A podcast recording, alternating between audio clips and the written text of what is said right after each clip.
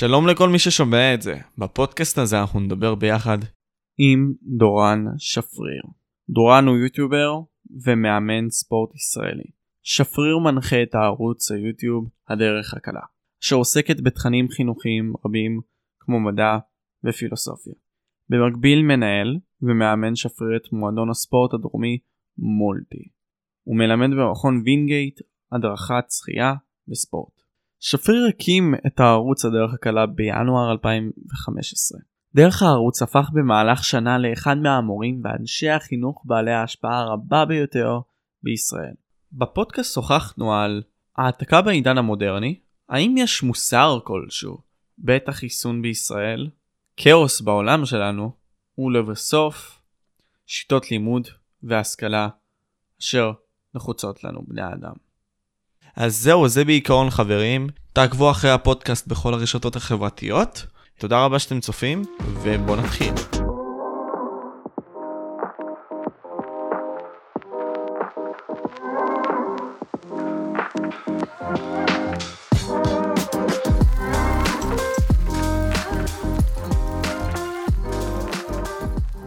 אז עם כל ההקדמה הזאת, אני אשמח לבוא ולשמוע מה איתך דורן. בסדר גמור. אני אף פעם לא, אף פעם לא הציגו אותי בכזו אה, עריקות. אני, אני חושב שגם אני יודע מאיפה הקראת את מה שהקראת. אה, כן, אה, שאגב, זה, זה, זה איזשהו עמוד, נכון? זה עמוד כזה של כמו ויקיפדיה כזה. סוג של, כן. שאין לי מושג, כן, אין לי מושג מאיפה צץ העמוד הזה עליי, אבל אה, אה, מי שכתב את העמוד הזה, כל הכבוד לו על המחקר, למרות שלא כל מה שכתוב שם מדויק במאה אחוז, אבל לפחות קרוב לזה. מה לדוגמה לא נכון? אה, וואו, ברח לי כבר. אה, למד במכון וינגייט, אה, נגיד זה לא מדויק, אני לא למדתי במכון וינגייט, אני מלמד במכון וינגייט. אה, אוקיי.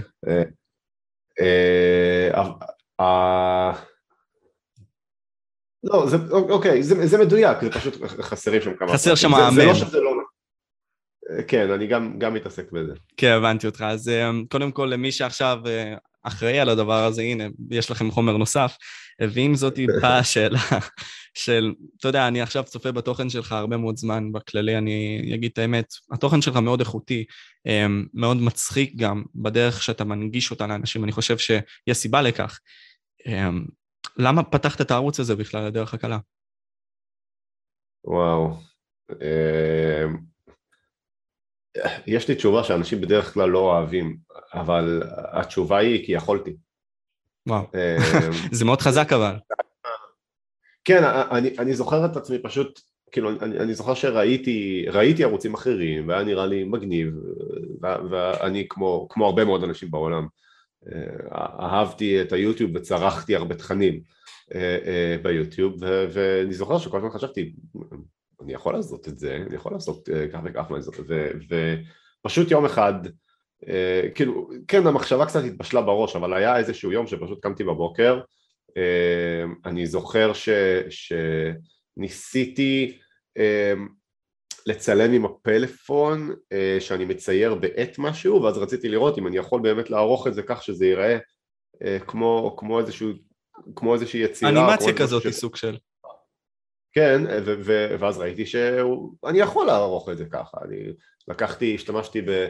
אה, אה, נראה לי שקראו לתוכנה הזו Windows Movie Maker, אני לא יודע אם התוכנה שעוד קיימת, אבל זו, כאילו, גם אז זו הייתה תוכנה ישנה, כן, פשוט מצאתי אותה איפשהו והייתה חינמית והשתמשתי בה והיה לי איזשהו מיקרופון ישן כזה, אה, שאני לא זוכר אפילו מאיפה היה לי אותו, מיקרופון קטן כזה, לא, לא משהו איכותי בשום צורה, פשוט פשוט הכנתי, פשוט, אה, פשוט עשיתי את זה, ו...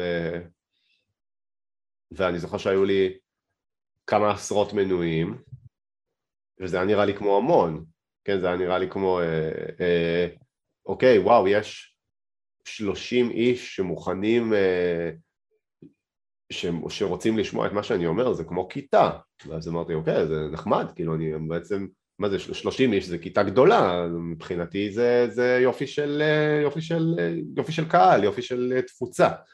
כן, אני יכול לגמרי להבין אותך בקטע הזה, ממש, ממש דווקא. אתה יודע, עם הערוץ הפודקאסט הזה, כשאתה בא ומתאר את המספרים האלה של נגיד סתם 9,000 צפיות, בסרטונים שלך זה הרבה יותר, אבל אני ממחיש. זה כמו שעכשיו יצפו בך לגבי איזשהו משהו מסוים, 9,000 איש בקהל. זה מטורף, זה דברים שאתה לא יכול לתפוס, אבל הם עקרוניים ויכולים לקרות בעידן הטכנולוגי. כן, זה מהפכה. זה, זה מדהים בהחלט, כן. אז אם, כאילו, אתה באת ותיארת את כל הקטע הזה שפשוט יכולתי לבוא ולעשות את זה. הרבה באמת מאיתנו יכולים לבוא ולעשות דברים. זה, זה באמת נכון, אנחנו יכולים לבוא ועכשיו, אם אנחנו רוצים, לשפר את הסביבה שלנו, להיות אנשים טובים. לנסות פשוט דברים, אבל אנחנו לא עושים אותם, כי יש הרבה מאוד דברים שמונעים מאיתנו, בין אם זה המחשבה שלנו, אה, בין אם זה הביולוגיה שלנו, ובין אם זה פשוט אמונות שיש לנו. איך אנחנו יכולים לדעתך לשנות את זה בשביל למקסם את עצמנו בקטע הזה? למקסם את עצמנו להיות בני אדם יותר טובים, להצליח ביעדים שלנו וליצור דברים, כמו שאתה יוצר בערך. אה, תראה, אני לא חושב, אוקיי, זה נכון שאפשר ללמוד ממני, אבל אפשר ללמוד ממני גם מהדברים ש, שאני עושה טוב וגם מהדברים שאני עושה לא טוב, כן? זה לא שאני בעצמי עושה את זה מצוין, אני כל יום מרגיש שאני יכול לעשות עבודה יותר טובה, וזו חוויה ש, שאני חווה באופן אישי בצורה חזקה, את, את החוויה של היית יכול לעשות יותר טוב. אבל בגדול התשובה שלי לשאלה שלך היא, היא הרגל. Mm. Uh, אני, אני חושב שאנחנו נותנים יותר מדי קרדיט ל, ל, לקבל החלטה ופשוט לעשות אותה. אוקיי? זה, לא, זה לא באמת עובד. בן אדם לא באמת קם בבוקר ואומר, אוקיי, אני עכשיו אני לוקח את עצמי בידיים, מהיום אני אוכל בריא, אני מפסיק לעשן, כן, כל מיני דברים בסגנון האלה. הדברים האלה לא עובדים, אוקיי? זה, זה, לא, זה לא עובד. מה שכן עובד זה הדברים הקטנים. זה, זה להגיד, אוקיי, כרגע אני לא אעשן את הסיגריה, או כרגע, כן, יש לי איזה רעיון, אני כן אלך ואני אשב על המחשב ואני אכתוב אולי איזה משהו ראשוני, כמה שיהיה, אוקיי? מה שעובד זה מה שאתה עושה כרגע, אתה לא יכול להחליט על מה אתה תעשה בעתיד, אתה רק יכול להחליט על מה אתה תעשה עכשיו. נכון. עכשיו היופי, היופי הוא שה... אוקיי, אני עכשיו מציג לך בן אדם שאתה לא מכיר. נגיד. אוקיי? בוא נגיד שאני מציג לך עכשיו בן אדם שאתה לא מכיר, ואני אומר לך, אה, בוא תנחש, לא יודע, בוא נשאר על הנושא של הבריאות, בסדר? למרות שזה לא, לא חייב להיות בריאות. כן, זה יכול להיות כל נושא אחר. אוקיי? אבל אה, כן, או לפתוח ערוץ גם, או לפתוח פודקאסט, בסדר? אני נותן לך עכשיו בן אדם ואני אומר לך, תקשיב, הבן אדם הזה, מה לדעתך הסבירות שמחר במהלך היום הוא יצא לריצה אה, והוא לא יעשן? אוקיי? מה לדעתך הסבירות? עכשיו, מה, מה המידע הכי רלוונטי שיכול להיות לך בשביל לדעת אם מחר הוא, אה, הוא יעשה את זה? דברים שהוא עשה לפני זה. נכון, דברים שהוא עשה לפני. גם אתה, מה הסבירות לדעתך שמחר הוא ירוץ ולא יעשן? אז אתה תשאל אותי, רגע, היום הוא רץ ועישן, אתמול הוא רץ ועישן, נכון? אז, אז בסופו של דבר אתה לא יכול להחליט מה אתה תעשה בעתיד, אבל אתה כן יכול להחליט מה אתה תעשה עכשיו, והדברים שאתה עושה עכשיו, יש, בוא נגיד שהם הם, אה, משנים את הצפי שלך לעתיד, גם אם קצת, אבל, אבל כל פעם שאתה עושה את הדבר הקטן הזה שאתה צריך לעשות עכשיו, העתיד, העצמי שלך לתוך העתיד הוא עצמי טוב יותר. Mm. אוקיי? כן. זה, זה, זה מה שאני, התשובה שאני מנסה לתת. אני אבוא ואזכיר גם את הספר של ג'יימס קליר, אטומיק הבטס, שהוא בא ומדבר על כל העניין הזה, של האחוז אחד הזה, okay. של ההשתפרות. כל יום פשוט. אני לא מכיר את הספר, אבל זה כן, זה נשמע שזה די דומה. כן, אז זה... אני, אני פחות אני, אני מנסה לבוא להשתפרות אבל מכיוון של הרגל. נכון, נכון. טוב, תמיד. בסדר. עצם העובדה שאתה עכשיו, סתם דוגמה, אה, נמצא בחדר, ואתה יודע מה, ניקח אותי כדוגמה. אני לא אוהב לסדר את הדברים שלי, אה, לא יודע, פשוט קשה לי יותר לעשות את זה בצורה טבעית. אני חושב שזה מאוד רילייטבול, מה שנקרא, הרבה מאוד אנשים יכולים להזדהות איתי בקטע הזה. אמ, אז פשוט נגיד סתם לבוא ולעשות את הצעד הקטן הזה, לפתוח את הארון, לבוא ולהסתכל עליו, לבוא ולהיות מודע לכך, ולפעול בקטנה כל יום, זה יפתור את זה בסופו של יום. כמו שאתה אומר. פשוט תלוי איך אתה מסתכל על זה. אז... אני לא יודע אם זה יפתור, אבל זה ישפר את המצב. זה ישפר את המצב, בדיוק. ישנה את המצב. כן, בוא, בוא, בוא נימנע מהמילה שיפור, אני לא יודע מה זה טוב, כן, שיפור זה ללכת לקראת הטוב, אז... אבל אתה, אתה יודע, גם המילה שינוי זה מילה מאוד מילה מאוד בעייתית, אני דווקא מסתכל על זה הפוך. נגיד סתם כשאני לוקח בן אדם, ואני אומר לו, אתה צריך לבוא ולהשתפר, לא להשתנות. כי כשאתה משנה משהו, אתה משנה משהו מעצמך, אתה משנה משהו מהרכיב האישי שלך. אני מסתכל על זה הפוך דווקא. כאילו, איך, למה אתה מסתכל על זה בצורה כזאת, סתם דוגמה, אני פשוט... למה אמרתי לש... להשתנות ולא להשתפר? כן, בקטע הזה, סתם דוגמה. כי uh, בשיפור, במילה שיפור, uh, יש איזושהי הנחה סמויה uh, בכך שאני יודע מה טוב. Mm. עכשיו, יש דברים שאני בהחלט יכול להגיד, להשתפר בהם, כן? יש, יש דברים שהטוב בהם הוא מאוד מאוד ברור, למשל אם אתה משחק כדורסל אה, ואתה מחטיא הרבה סלים, אז אם, אם תקלע יותר זה מן הסתם יהיה טוב יותר, זה בתוך, זה בתוך ההגדרות של המשחק. נכון. נכון? אבל, אבל, אבל אה, כאילו אני, אני לא יודע אם הייתי אומר לשפר אה, לגבי זה שהדברים שלך יהיו יותר מסודרים, כן? כי אם אתה, אם אתה גר לבד וזה לא כזה מפריע לך שהדברים לא מסודרים וזה לא, בוא נאמר שאנחנו חיים בעולם שבו אין לזה שום השלכות וזה לא צובר אבק וזה לא צובר, לא יודע, לכלוך, אוקיי? אז זה לא באמת כזה משנה שאתה לא מסודר אבל אם נגיד יש לך בת זוג שאתה גר איתה ואתה רב איתה הרבה על זה והקשר שלכם הוא חשוב אז, אז כן, אז, אז פתאום אם אתה תהיה מסודר יותר אז זה כן ישפר משהו בחיים שלך אז, אז פשוט נזהרתי עם, ה, עם, עם המונח של הטוב, כן? גם, גם בלהגיד שאני יודע מה טוב אה, יש גם איזה משהו טיפה מסוכן, כן? כי אם אני יודע מה טוב, אז מי שלא מסכים איתי, מה הוא? הוא, הוא יודע רע בעצם, בקטע הזה. כן, אני יכול להבין מה אתה אומר, אבל אתה יודע, עכשיו גם בא לי המחשבה הזאת לראש תוך כדי, ואני אומר לעצמי, אוקיי, אבל אנחנו נכנסים לעולם הזה, ומי יודע מה זה להשתפר בקטע הזה, אם אני הולך עכשיו על הדרך שלך, מה זה שיפור בקטע הזה? אוקיי, אני עכשיו מנסה למצוא את דרכי בעולם. איך אני יכול לבוא ולהשתפר ולהיות אדם יותר טוב?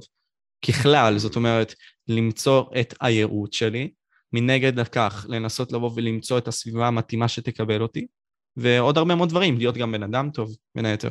מה, על מה באמת אני יכול להסתכל, לדעתך, שאני יכול להגיד, אוקיי, זה המודל שממנו אני צריך לבוא ולהסתכל ולהשתפר על מנת להגיע אליו בסופו של יום. תראה, אני חושב ש... יש בבני אדם איזשהו מנגנון אה, כמעט בילט אין אה, של הערצה, אנחנו נוטים להעריץ אנשים. נכון. כן. אה, ונראה לי ש, שאנחנו לא סתם מעריצים אנשים. כאילו יש משהו שטבוע בנו שאנחנו מזהים משהו שנראה לנו טוב ואנחנו רוצים להיות כמוהו. כמו okay, אוקיי, מה שיש לי פה בערך. כן, נכון. נכון, ואתה ואתה אתה, אתה מזהה בעצם איזושהי תכונה טובה בבן אדם, עכשיו ברור שיש פה איזושהי, יש גם סכנה של איזשהו אפקט הילה, כן, שנגיד יש לך איזשהו ספורטאי גדול שאתה רוצה להיות כמוהו, אבל בוא נגיד שהוא גם בן אדם מאוד אלים ולא מנומס, ואז אז נגיד את הדברים האלה אתה לא רוצה, אבל כמובן שיש את הסכנה שפתאום ייראה לך שגם הדברים האלה טובים, כי אתה אומר טוב הבן אדם הוא טוב אז כנראה שכל מה שהוא עושה טוב, כן. לא חשוב, אז, אז, אז דבר ראשון כנראה ש, שטבוע בנו כבר מראש אה, איזשהו מושג של אוקיי, כמו מה אני רוצה להיות, או כמו מי אני רוצה להיות, או מה נראה לי ראוי, או מה נראה לי טוב. אה, אז, אז טבוע בנו מראש. אם אתה רוצה איזושהי הגדרה כללית יותר, אה, אני האמת נוטה, נוטה לצדד בתיאוריות האתיות האריסטוטליות, זה נקרא אתיקה של הסגולה הטובה, אה, ששם יש איזשהו תיאור שאומר שמעשה טוב או אדם טוב בעצם אה, אה, הוא, הוא מוגדר ומתאפיין על ידי מעלות טובות.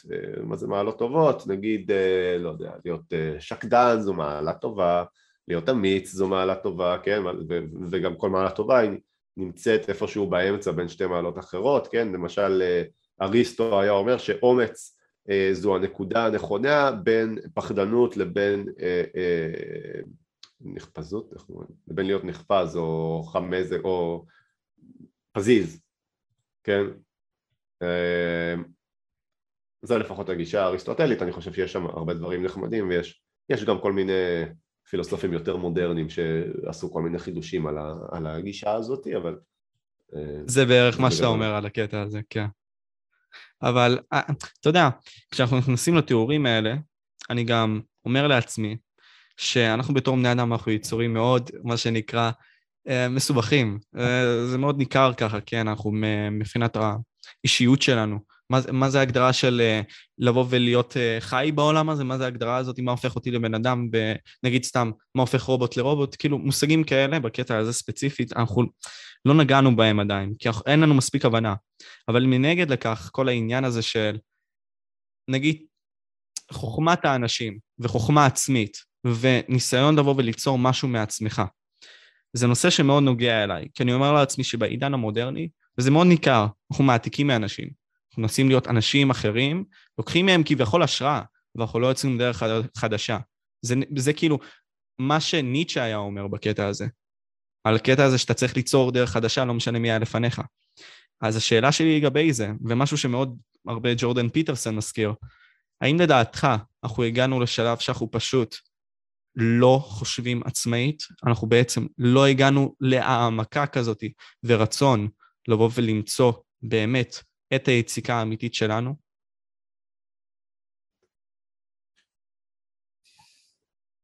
אני, אני לא חושב, אני חושב ש... לא, אני, אני חושב שהתשובה היא לא, אני לא חושב ש, שאנחנו לא חושבים עצמאית. זה, זה נכון אמ, שבן אדם הוא לא יכול להיות לחלוטין אותנטי, כן, אבל זו לא מחשבה שהיא חדשה, גם אפלטון מדבר על זה, כן, מלפני, אם אתה אומר ניטשה זה לפני מאה, מאה ומשהו שנים, אפלטון גם דיבר על זה לפני יותר מאלפיים שנים, כן, שאתה, אתה, האדם הוא, הוא תוצר של העיר, של הפוליס, בעת המודרנית זה כבר לא רלוונטי להגיד עיר, כן, זו המדינה או זו החברה, נכון, זה העולם כבר, אבל, אבל אפילו לפני אלפיים שנה אנשים כבר חשבו על זה, כך שזה לא משהו חדש, כן, אדם שגדל בג'ונגל הוא לא יהיה הוגה דעות, אוקיי? אז, זה, מאוד, זה מאוד הגיוני להגיד, גם, כן. כן, ואז אתה יכול להגיד, אה, אוקיי, אז... ואז נשאלת השאלה, אז, אז, אז איפה פה השליטה של הבן אדם על הגורל של עצמו, אם במצבים מסוימים הגורל שלו בעצם מוגבל. Mm. וזו שאלה מורכבת כשלעצמה, אבל אני חושב שאנשים הם, הם, הם כן אדונים לגורל שלהם, אבל אה, כמובן שעד גבול מסוים. נכון, אני, אני גם מסכים איתך בקטע הזה שאנחנו אדונים לגורל של עצמנו, זה נכון מאוד, אבל נגיד, בוא, בוא ניקח דוגמה מסוימת שכן אה, התגלה אצלי בפודקאסט האחרון שעשיתי, איליאן מרשק באמת פודקאסט טוב, אני ממליץ לכם לבוא וללכת לשם אה, ולראות. הוא דיבר על העובדה הזאת שבסוף שנות, אה, סוף המאה ה-20, לא, סוף המאה ה-19, זה, זה המקום שהיה בו הרבה מאוד המצאות. היה את אנדרו קרנגי, היה את תומאס אדיסון, היה את טסלה, היה הרבה מאוד אנשים שניסו לפתח דברים, ובאמת הרבה מאוד מהדברים שאנחנו משתמשים היום, זה מהם. הרבה מאוד מהדברים. אז זה על מה שאני מדבר. אני, אני חושב שאין לנו מספיק המצאות חדישות ופיתוחים חדשים. יכול להיות שפשוט הגענו לתקרת זכוכית מסוימת לדעתך? אתה יכול להגיד את אותו דבר על סטיב ג'ובס וביל גייטס, עוד, עשרים שנה ש, שאנשים, אה, אולי קצת יותר מ-20 שנה, אבל ש, שהרשתות החברתיות והדברים הדיגיטליים כבר יהיו חלק כל כך חשוב מחיים של אנשים, אז אתה תוכל להגיד על, את אותו דבר על, על מרק צוקרברג ועל אה, סטיב ג'ובס ועל ביל גייטס, כן?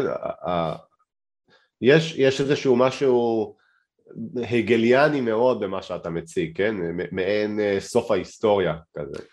אה, כן. פחות, אני, יודע, אני, אני חושב שאנחנו נבוא ונתקיים ולא משנה מה מבחינת ההישרדות שלנו. זה, זה ניכר בהיסטוריה, לא משנה מה קרה, אנחנו נשרוד. אבל הקטע הוא שזה מרגיש לי שאנחנו בנקודה כזאת שאנחנו כביכול הגענו לרף מסוים. לפחות ככה זה ניכר לאזרח הפשוט שלא מתעמק בסיליקון וואלי ולא נמצא שם. ולא מקבל את ההטבות מהסיליקון וואלי בקטע הזה. דוגמה רובוטים, אני, סתם דוגמה.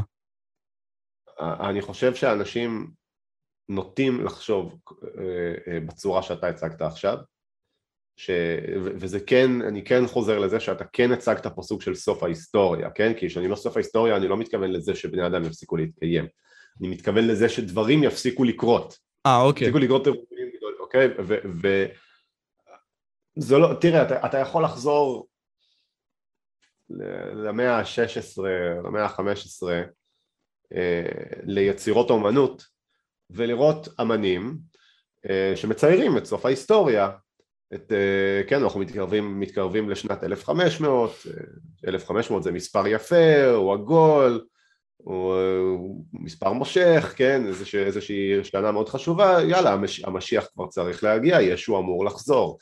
ואתה יכול לראות את זה ביצירות אומנות, בני, בנות מאות שנים, ואנשים הזרע הפסיכולוגי הזה שאומר אוקיי לא יקרו עוד דברים זה מקבל ביטוי גם בתחושות של אנשים, זה מקבל ביטוי בדת, למשל אני חושב שראיתי איפשהו איזשהו סקר אה, בקרב אנשים שהם מאוד דתיים אה, במדינות המערב, ש, שהרבה אנשים משוכנעים שהמשיח אה, הולך להגיע ב, ב, בזמן חייהם הנוכחי, כן? איזה אושר. כאילו, כאילו, אתה מסתכל קדימה ואתה אומר, ואתה אומר, טוב, מה עוד יכול לקרות? הנה, אני מכיר את ההיסטוריה, הגענו עד הלא. יש איזה משהו ש, שקשה להבין שאנחנו עכשיו בתוך, בתוך היסטוריה. אני חושב ש, שהאמת, אה, מגפת הקורונה היא איזשהו תזכורת, איזושהי תזכורת טובה לכך שכן, אנחנו עדיין בתוך ההיסטוריה, יכול, יכולים לקרות אירועים משמעותיים גם בזמן חיינו, אה, ואתה יודע, זה שאנחנו חיים במובן מסוים בצל של מלחמת העולם השנייה, כן. זה האירוע ההיסטורי המודרני, כן? נכון. שכאילו, אה, קשה להגיד שיש משהו גדול יותר וחשוב יותר מזה, כאילו אין כמעט אף מדינה בעולם שיכולה לספר את הסיפור שלה בלי להתייחס למלחמת העולם השנייה. ועל ישראל על אחת כמה וכמה. נכון. כן? אז, אז לא, אנחנו לא בסוף ההיסטוריה, אני לא חושב ש, שאנשים יפסיקו לחדש, אני לא חושב שדברים יפסיקו לקרות, וגם אתה יודע, גם אם אנשים יפסיקו לחדש כפי שאתה מתאר את זה, אתגרים ושינויים חברתיים חיצוניים ייתנו לך מקום לחידוש. Mm. למה אני מתכוון? קח נגיד את מגפת הקורונה, אוקיי? בוא נאמר שמגפת הקורונה סתם, אני, אני חושב שזה משהו הגיוני, היא, היא, היא, בוא נגיד שהיא גורמת לנטייה ימינה ברחבי העולם, אוקיי? נגיד. נטייה ימינה, כלומר, כלומר חברות יהיו יותר ימניות, כן, לא רוצים להכניס, להכניס אנשים מבחוץ, כן, איזשהו נושא של מחלות, אה, לא, גורם לחברות להיות יותר ימניות, בוא נאמר. במצב כזה, יכולים להיות לך עוד מהפכות חברתיות של פתאום אוקיי רגע בוא נתמרכז או רגע בוא נחשוב על אידיאולוגיה כזו או על אוקיי זה, זה תמיד יקרה. ואז, ואתה יכול להגיד אוקיי בני אדם חשבו על הדברים ובני אדם עשו את הדברים אבל הסיבה שזה יתאפשר זה בגלל המגפה הזו מלכתחילה עכשיו אתה יכול להגיד את אותו דבר גם על מגפת המוות השחור כן, כן. אחרי המוות השחור היו, היו שינויים גדולים גם, גם אחרי השפעת הספרדית היו שינויים גדולים כן? אז, אז אה, אני לא חושב ש... אני לא חושב שאפשר להגיד שאנחנו לא יכולים לחדש עוד. הנקודה שלך מאוד מעניינת ומאוד חידשה לי, אני אבוא ואגיד מבחינת המחשבה עצמה, אז תודה רבה לך. אה, ואני חושב שגם, אם אנחנו נתעסק על נקודה אחת שדיברת עליה, וזה עניין המלחמת העולם השנייה. אני אומר לעצמי עכשיו, כאילו, אם, אם נסתכל יותר עמוק לשואה, סתם דוגמה, אה, וליהודים בקטע הזה, אתה הרי ערוץ שמדבר על כל העניין החינוך, אתה, אתה מנסה לבוא ולהסביר את זה, אתה מנסה לבוא לשנות, לשפר, איך, איך שאנחנו לא נבוא ונגדיר את זה בסופו של יום. אני חושב שאין לנו מספיק התעמקות על השורשים ההיסטוריים שלנו לכאורה. משהו שמאוד ניכר בעת הנוכחית הזאת. אנחנו נוטים יותר להסתכל קדימה מאשר אחורה ולנסות ללמוד מהשיעורים של ההיסטוריה. השאלה שלי היא כזאת בקטע הזה, שהאם אתה חושב שהמערכת החינוכית, אני לא יודע אם עושה את זה במודע או לא, אבל מאכזבת בכל מה שקשור לפן ההיסטורי בקרב התלמידים. זאת אומרת, אי המחשה של הנשיאים, אי המחשה של ראשי הממשלה, אי המחשה של השואה והאירועים שקרו בה. בעצם האי המחשה הזאת. תראה, אני, אני לא חושב, יש פה שתי שאלות נפרדות, כן? השאלה אחת זה האם אני חושב שמערכת החינוך מעבירה טוב את התכנים בהיסטוריה, אוקיי? אה, והשאלה השנייה היא, היא האם אני חושב מה דעתי על זה שבני אדם מסתכלים קדימה ולא אחורה נכון, אלה אל היו שתי שאלות. ברמת העיקרון זה השאלה אחת מאוחדת, כן, אבל אתה פירקת אותה נכון, צודק. אוקיי, אז, אז לגבי מערכת החינוך, אני נוטה לחשוב ש, שלא, שהיא לא עושה את העבודה הזאת טוב, אבל האמת, האמת שדווקא אין לי איזושהי מחשבה של אוקיי, איך אתה מלמד עכשיו ילדים היסטוריה, כאילו, אני, אני לא חושב שזה מאוד...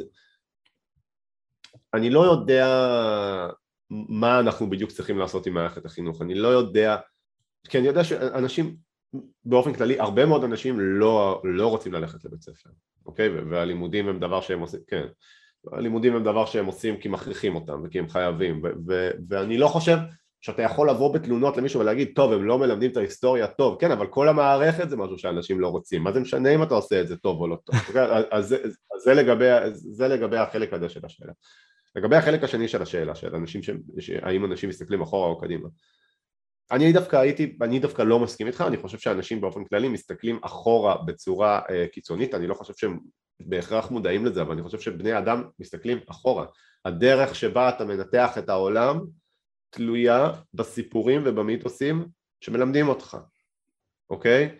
אם אתה עכשיו לצורך העניין הפוקוס שלך הוא על זה שלעם שלך הייתה שואה, אוקיי? אז אתה תיטה להסתכל על אנשים אחרים כאנטישמים או כמסוכנים או כעוינים או כמשהו שצריך להתגונן מפניהם, אוקיי? וזה לא חייב להיות מודע, אוקיי? אבל ההיסטוריה היא, היא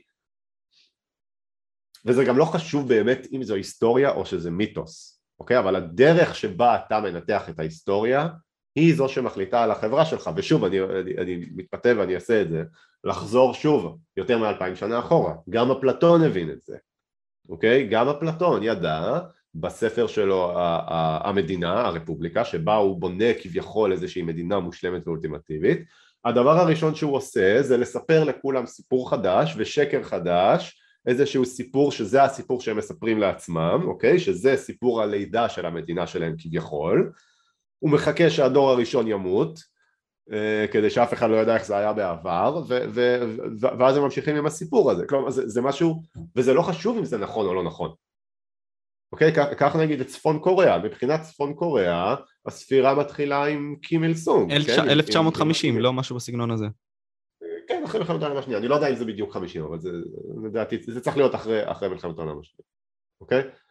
זה, זה, ההיסטוריה מתחילה שם, אין להם מושג של מה היה לפני אלף שנה, אלפיים שנה, אוקיי? אנחנו לעומת זאת, אנחנו מתעסקים המון בהיסטוריה במערכת החינוך, כן? גם, גם, גם תנ"ך זה ההיסטוריה שלנו, אוקיי? וזה לא משנה בוא נשים בצד רגע אם, אם אתה חושב שזה נכון או שזה לא נכון מה שכתוב בתנ"ך אבל זה כן ההיסטוריה שלך כי זה גם אם זה לא נכון זה עדיין המיתוס שלך. אוקיי? כי כל היהודים גם מי שלא מאמין הוא אומר כן יצא, עברנו את פרעה. נכון? גם מי שלא מאמין ש, ש, שאבות אבותיו היו במצרים כעבדים הוא אומר עברנו את פרעה. ונעבור גם את זה. נכון? וכולם יודעים למה הוא מתכוון. לגמרי.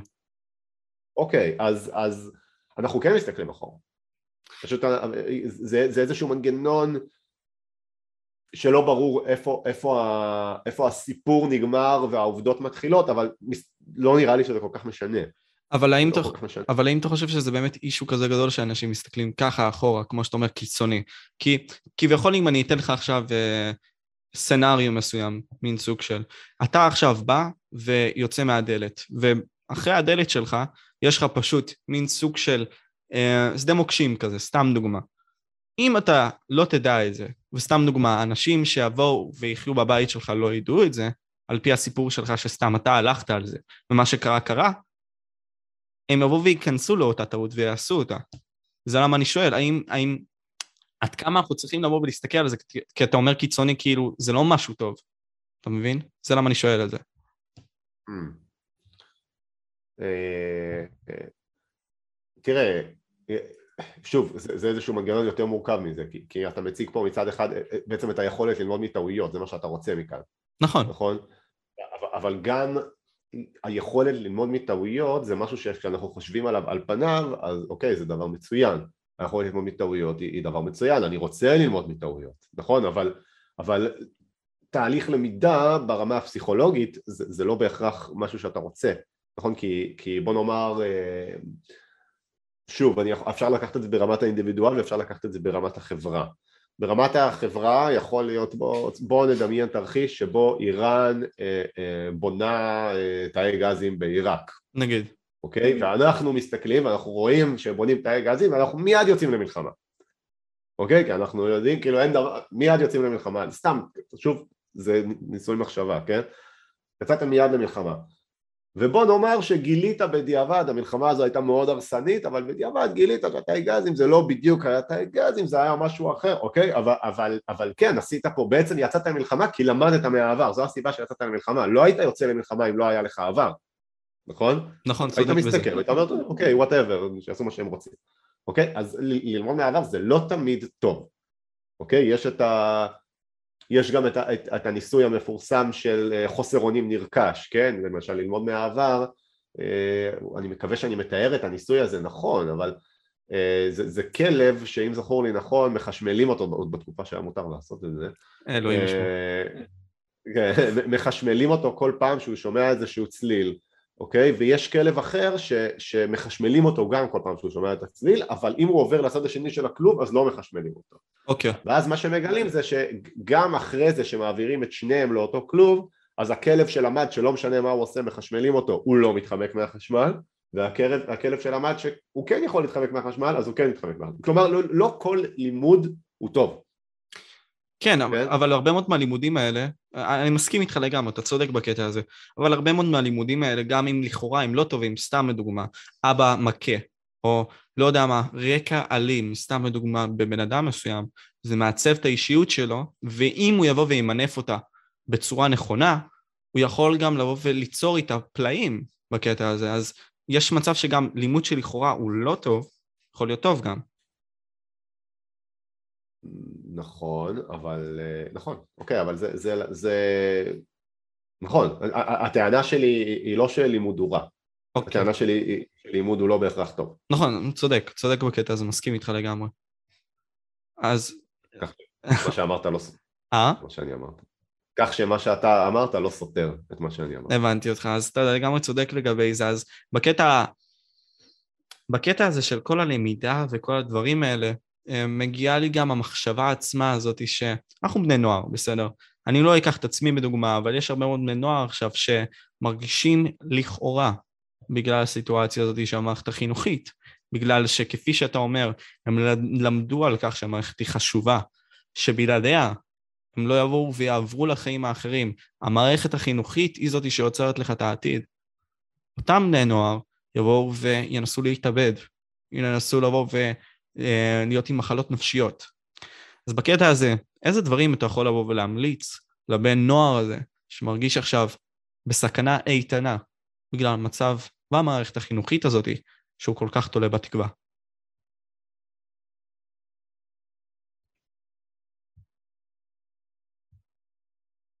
סבלנות.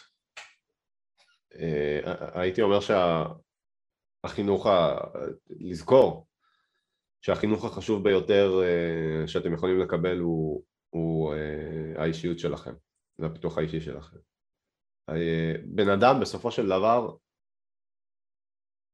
את, אתם חיים משהו בתוך בית הספר, הוא מקרין איזושהי אווירה שבעיקר לקראת סוף התיכון אז אתם מרגישים אוקיי הבגרות שלי היא חשובה ואז אני צריך ללכת וללמוד או לעשות איזשהו משהו עם הבגרות ואז עם הדבר הזה ועם הדלתות שנפתחות לי אני צריך לצאת לאיזשהו שוק עבודה ו- ולקוות שיקבלו אותי למקומות טובים. ואם אני לא אעשה את הלימודים טוב אני לא אוכל להתקבל למקומות טובים. נכון? זה, זה בעצם הפחד.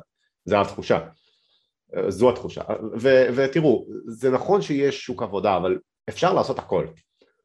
אפשר, לפתור, אפשר להיות, אתם לא חייבים אפילו לעבוד במקום כלשהו, אתם יכולים להיות הבוסים של עצמכם, כן, יש דבר שנקרא עוסק פטור או עוסק מורשה, אפשר לעשות את הדברים האלה בעצמכם, אם תהיו יצירתיים ויהיו לכם רעיונות טובים אה, ותדעו לעבוד קשה ותדעו לעבוד עם אנשים ולהתנסח בצורה הנכונה אה, ולהיות אה, קשוחים כשצריך ולא קשוחים מתי שצריך ולוותר כשצריך ולא לוותר כשצריך, כן? אם, אם תדעו את כל הדברים האלה לעצמכם וזה לא חומר נלמד וזה לא דבר שרשום לכם בתעודת בגרות, אוקיי? אבל אם תדעו את הדברים האלו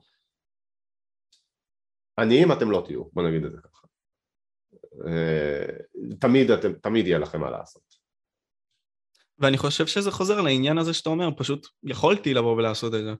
אני גם חושב על זה עכשיו, ככל שאין לך אופציות, גם יש לך אופציות. כי הרי בעניין הטכנולוגי הזה, יש לנו מלא אופציות, אנחנו תמיד מסתכלים על השלילה בקטע הזה של מה, אנחנו כלואים, אנחנו לא יכולים לעשות. אבל הנה, נגיד בפלטפורמה הזאת, אפשר לבוא ולנצל אותה לצורה חיובית, אמיתית. ואם יש לכם את היכולות באמת לבוא ולהנפיש את זה, ולהציג את זה בצורה מאוד נכונה, אתם תצליחו ותגיעו לאן שאתם רוצים. אז אני חושב שגם, אם אני אוסיף את הדיבה שלי לעניין, העניין של פשוט, כמו הסלוגן של נייק, פשוט לעשות. וזו מחשבה מאוד אימפולסיבית, מפגרת, אבל אנחנו בתור בני אדם, בשביל למצוא את עצמנו, צריכים לבוא ולעשות את זה.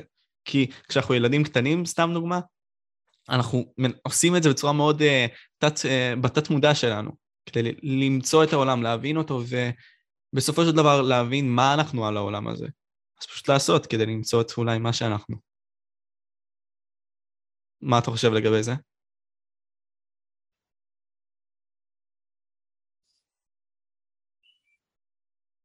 זה נכון במקרים מסוימים, אבל לא כל דבר שאתה חושב אתה צריך פשוט לעשות. זה נכון, אחרת העולם שלנו היה נוראי. יש גם מחשבות אלימות או אנטי חברתיות, אבל אנחנו, יש לנו את האיפוק לא לעשות אותה. אגב, לגבי מה שאמרת על, על, על הסלוגן של נייקי, אה, האמת שאני לא מרגיש מאה אחוז ביטחון להגיד את זה, אבל אם אני לא טועה, הם לקחו את, ה, את הציטוט הזה מאסיר שאלה היו המילים האחרונות שלו לפני שהוציאו אותו להורג. אה באמת? כן, צריך אולי... מי, ש, מי ששומע את זה יכול אה, לעשות גוגל ולראות אם אני צודק, כי אני, אני לא בטוח בזה במאה אחוז, אבל נראה לי. נראה לי שזה. מה, אתה עושה גוגל? Um, כן, אני משתדל לבוא ולבדוק את זה. Uh, דקה, דקה. Uh, רשום לי פה שזה לא זה. לא זה. לא. רגע. אה, לא, בעצם כן, כן, כן, רשום פה. רשום פה שזה בא בעצם מסיפור של בן אדם מסוים שהיה רוצח אנשים, כן, אתה צודק. לפני שהוא נרצח. זיכרון טוב, יפה. כן, אוקיי. אז ה... אז אולי לא נרצה להשתמש בסלוגן הזה כדוגמה טובה עוד. אבל הרבה, אבל, אבל אה, תקשיב, בהרבה מאוד מהדברים עכשיו, אם אנחנו נסתכל על זה בהיסטוריה, אנחנו לקחנו מהם את הטוב, למרות שזה היה נורא, אתה מבין? נגיד, אני, אני, אני רוצה לתת דוגמה של מקרה מסוים, כן, אבל אני לא אעשה את זה, אני אתרכז יותר בבן אדם מסוים. סתם דוגמה, JFK, בן אדם שעבר את מלחמת העולם השנייה, ואנשים, האח שלו פשוט בא ומת שם, יוסף קנדי. בן אדם שבאו והסתכלו עליו כאל גיבור, בן אדם שיכול לבוא ולשנות באמת את העולם. בא ומת שם. היה לו את החיבה והאהבה הזאת להיטלר ולדברים הטובים שלו בקטע הזה. אז אתה אומר עכשיו ש... אני מבין בצחוק, כן, אבל לא להשתמש בזה, כן, אבל גם מהדברים הרעים אנחנו באים ולוקחים את הטוב. וכמו שדיברנו על זה גם לפני זה, זה מאוד נכון. אין לך כן, משהו להוסיף? אה? אני מסכים. אז אה, כן, זה לגבי, זה פשוט צץ לי לראש. אבל בואו עכשיו נלך לדבר אחר, טיפה נסתיים מהנושא. נלך לקור... מוכר לך... אה? מוכר מוכר לך אה, אה, נשיא נבחר בארצות הברית אה, שאח שלו היה גיבור מלחמה ונהרג? מוכר לך מאיפשהו? אה, וואו, מהראש לא. אה, אני סתם אזרוק עכשיו. בישראל? אה? משהו בישראל דומה. אה, בנימין? כן. כן, בנימין נתניהו, נכון. אז זה משהו שכן מניע אותך, הצדדים האפלים האלה, בסופו של יום. אני, אני ראיתי את הסרטון הזה גם, ואני זוכר אותו, ואני אומר לעצמי, אנחנו רואים את הבן אדם הזה בצורה מאוד uh, שונה. כי אתה יודע, הרבה מאוד הסתכלו עליו בתור בן אדם, לכאורה, מניפולטיב. לכאורה, בן אדם שמנסה לקדם את האג'נדות שלו בשביל לראות כמו אלוהים, אבל זה לא באמת נכון, זה מה שאנשים מסתכלים עליו, והאנשים שלא אוהבים אותו מסתכלים עליו ועושים את זה. אבל בהרבה מאוד מהמקרים, וזה גם בחיים כך מנוהל, הצדדים האפלים הם אלו שמניעים אותך להצלחה הזאת בחיים. אז אם אנחנו נבוא ונסתכל על זה, האם אתה חושב שבתור בני אדם, הצד האפל הזה, זה צד שאנחנו אמורים לחשוף לכולם, או צריכים לבוא ורק לשמור את זה לעצמנו, בשביל לבוא ולהניע אותנו וזהו.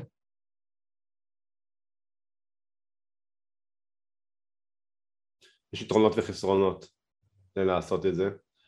אה, הפסיכואנליטיקאים הגדולים, קרל יונג, אה, זיגמונד פרויד, אה, הם, הם ראו בכוחות ה... נקרא לזה השליליים האלו, יונג קרא לזה הצל, כן? כהכוחות המניעים העיקריים שלנו אפילו, ויכול להיות שזה נכון, אוקיי? אבל, אבל אני, אני לא חושב ש, ש, שלספר לכולם כל הזמן מה מניע אותך, כן, מה, מה אתה חושב שמניע אותך זה רעיון טוב.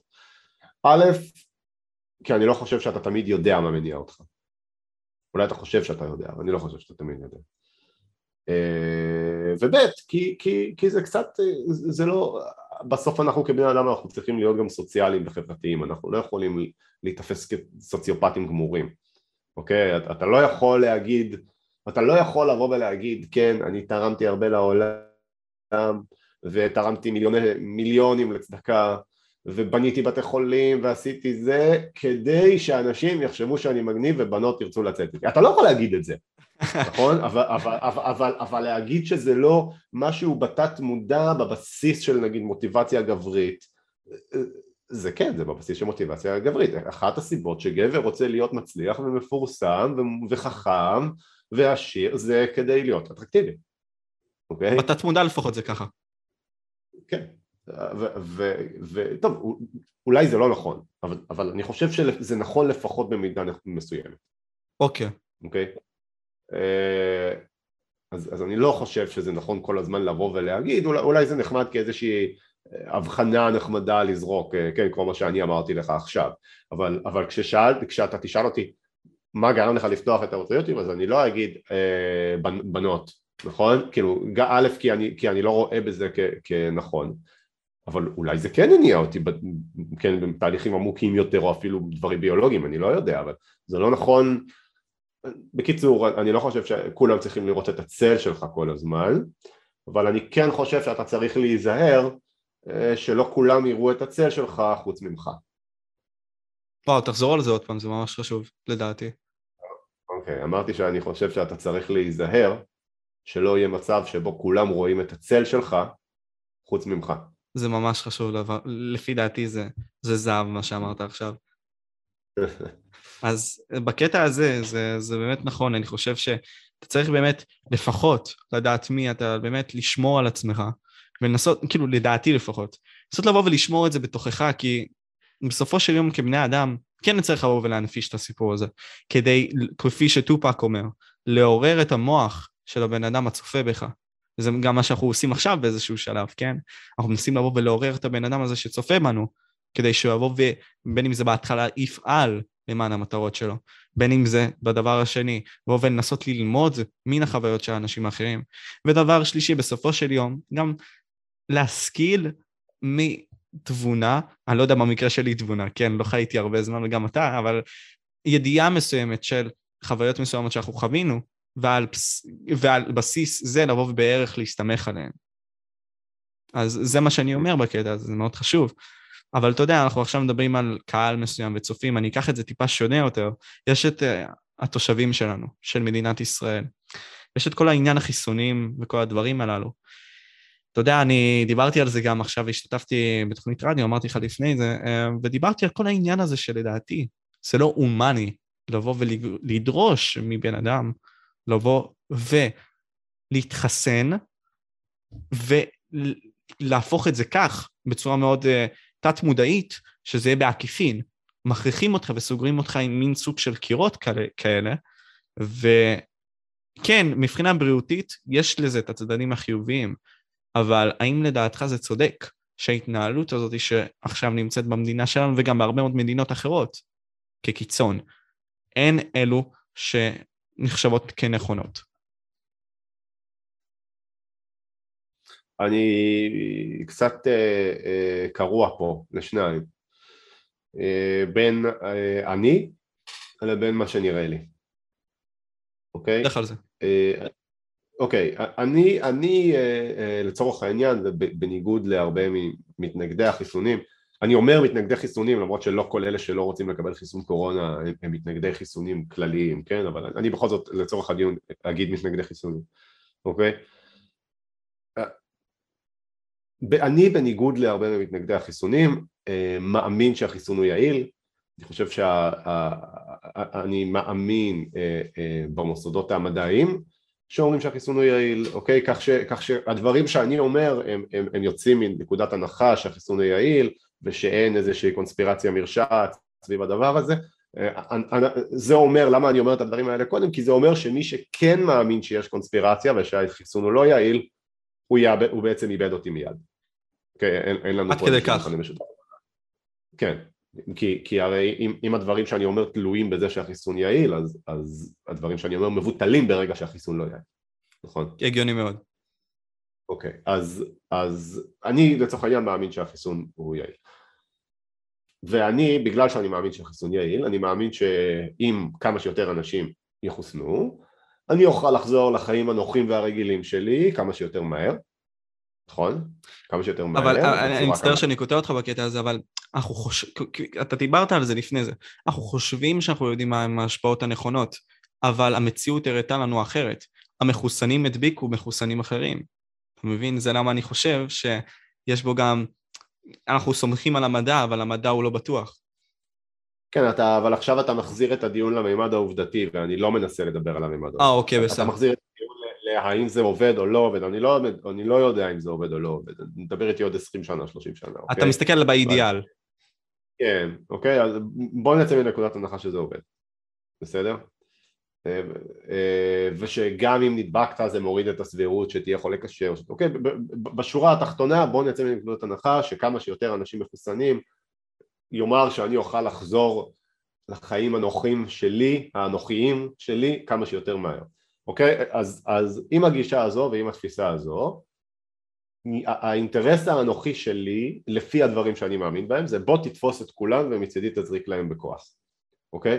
אבל יש גם את, ה, את, ה, את האידיאל, כן, שאני מסתכל ואני אומר רגע, אבל, אבל זה לא מה שאני מאמין בו, כן, אני, אני, זה נכון ש, שלפי מה שאני מאמין, נוח לי מאוד שמכריחים את כולם להתחסן, אבל דווקא מבחינת העמדות האתיות שלי, אני לא חושב שצריך להכריח את כולם להתחסן, כן, יש אפילו, אתה יודע, יש, עשיתי סרטון נגיד שדיברתי על הליברטריאנים אפילו למשל, ש, שאני לא חושב שזו עמדה גרועה, אה, אבל יש אפילו איזושהי עמדה ליברטריאנית של טוב, הוא לא רוצה להתחסן, אה, ש...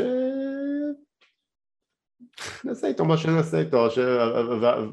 אם הוא רוצה להידבק ולהיות חולה קשה, שידבק ויהיה חולה קשה, אוקיי?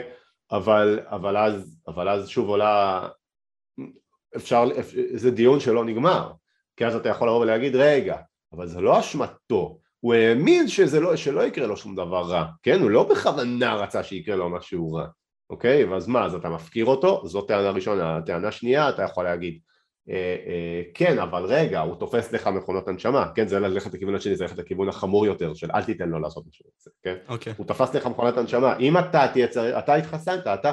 אתה הורדת את הסיכוי שלך להיות נטל על החברה, אז למה שהוא יתפוס לך מכונות, הרשם, אה, מכונות הנשמה ושמישהו אחר שיתחסן הוא לא יקבל מכונת הנשמה, כאילו, אוקיי? הוא יתאמץ שם... יותר, אתה התאמצת פחות, דבר כזה.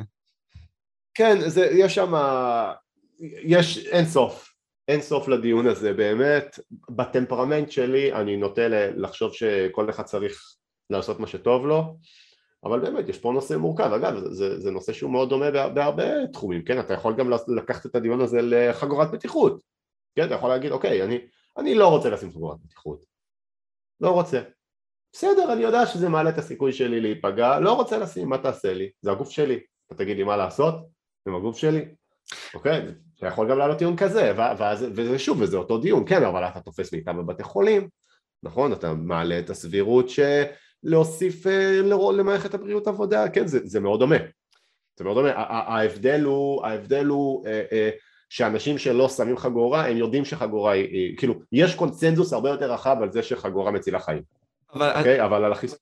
לא בערך. אבל אתה מבין, יש פה, יש פה בסיס שעל פי, פיו אנחנו מסתכלים, יש פה גבולות מסוימות שאנחנו לכאורה יצרנו בעת המאה ה-17, אה, בין אם זה עם ג'ון לוק, אה, והרבה מאוד מההוגים של אותה תקופה. שאם אנחנו נבוא ונסתכל על זה עם עניין הזכויות שלנו, בסדר? אה, אבל אנשים, ואני מדבר על זה גם, אני נכנס בהם, שאומרים, אוקיי, אנחנו בנינו את זה, ההיסטוריה נבנתה על זה, עכשיו הממשלות מנסות, וזה גם בהיסטוריה ככה נבנה, על כך שהם לוקחים יותר כוח ככל שיש להם יותר כוח, קל להם יותר לנהל אותך, לנייד אותך, והעבודה שלהם נעשית על יותר קלה על כמה וכמה ממה שהיא הייתה. אז זה למה אני אומר אתה יכול לבוא ולחשוב שהחיסון הוא כן טוב, אבל אתה לא יכול לבוא, ו... נגיד סתם, אתה לא יכול לבוא ולהסכים עם דרך ההתנהלות של הממשלה. זה כמו שנגיד סתם, יש לך אישה מסוימת, או לא אתה, אלא מישהו, יש לו אישה מסוימת, בסדר? והיא כל הזמן, לכאורה, בתמונה הכללית נראית טוב וכו', אבל היא באה ומוסיפה עליו לחצים של לעשות דברים שהוא לא בהכרח רוצה. אז זה למה אני אומר שיש לך בסיס שאתה ממנו אהבת, וממנו אתה באת והתחברת, אבל לפתע יש לך לחצים מסוימים שדוחפים אותך בכוונה, בצורה מאוד uh, עקיפה, לעשות דברים שאתה לא רוצה. זה, זה, זה ההתחבטות שלי כבן אדם, ואני יודע שיש הרבה מאוד אנשים כאלה, אז מה אתה חושב לגבי זה? אני חושב שהעלית פה, א', אני לא, אני לא חושב שהאנלוגיה של האישה היא כל כך טובה, כי, כי אני חושב שכן, כאילו, אם אתה חושב שאתה תהיה במערכת יחסים ולא יגידו לך לפעמים מה לעשות, אה, דברים שאתה לא רוצה, אתה טועה. אוקיי, אבל, אבל, אבל, אבל הטיעון האחר שהעלית, שאני לא התייחסתי אליו, זה טיעון המדרון החלקלק. Mm. כן, אה, טיעון המדרון החלקלק בהתחש... בנושא המדינה אה, וסמכויות ויחסי הפרט והחברה או יחסי הפרט והשלטון ואני נוטה להסכים איתך, אני חושב שטיעון המדרון החלקלק הוא, הוא מתאים לסיטואציה הזו והוא באמת אה, בוא נגיד שהוא מחזק את עמדת מתנגדי החיסונים. אתה יכול להגיד את הטענה הזאת בכל מקרה, שהצופים שלא יודעים, אה, תבוא ותסביר להם את זה?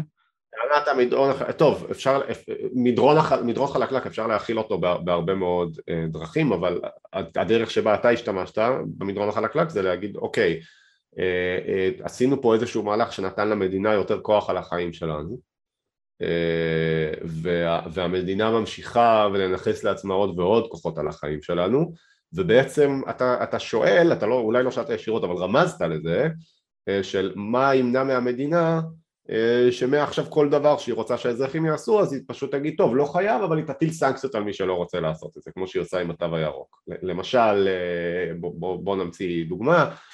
הצבא הוא לא חובה צריך להתנדב לצבא אבל מי שלא מתנדב לצבא אסור לו להיכנס לקולנוע ואסור לו לקבל, אה, לא יודע, ביטוח לאומי ואסור לו אה, לקבל, לא יודע, הגנה, אה, הגנה נגיד של זכויות עובד, אוקיי? כאילו לתת כל מיני, בעצם, בעצם להגיד זה לא חובה אבל מי שלא עושה את זה חבל עליו, אוקיי? וזה, וזה איזשהו, זה, זה ברור ש, ש, שזה דומה למה שקורה עם, הקור... עם הקורונה ועם החיסונים ואני לרגע לא, לא אכחיש את זה למרות שאני בעד החיסונים.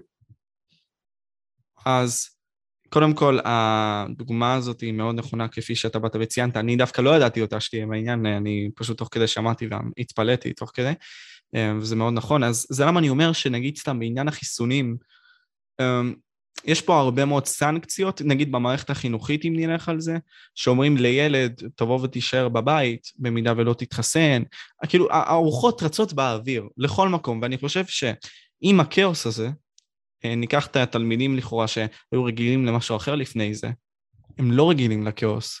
כאילו, החיים הם עצמם כאוס, בסדר, אני מבין את זה, אבל הכאוס במערכת הבטוחה הזאת, הוא נשלל אה, סליחה, הביט, הביטחון של העניין הוא נשלל, אתה לא בטוח יותר שם, כי אתה לא יודע מה הולך להיות, ואז אתה מאבד את עצמך בין, ה, בין הקירות בקטע הזה. אז האם אתה חושב שזה מוצדק שבן נוער יבוא ויחשוב ככה על המערכות השונות הפועלות, בסביבה שלכאורה אמורה להבטיח לך בערך שתהיה בטוח והכל יהיה בסדר, עצם העובדה שנגיד סתם אנחנו באים ואתה משלם לנו, אתה גר אצלנו, אתה מקבל את כל הזכויות הללו.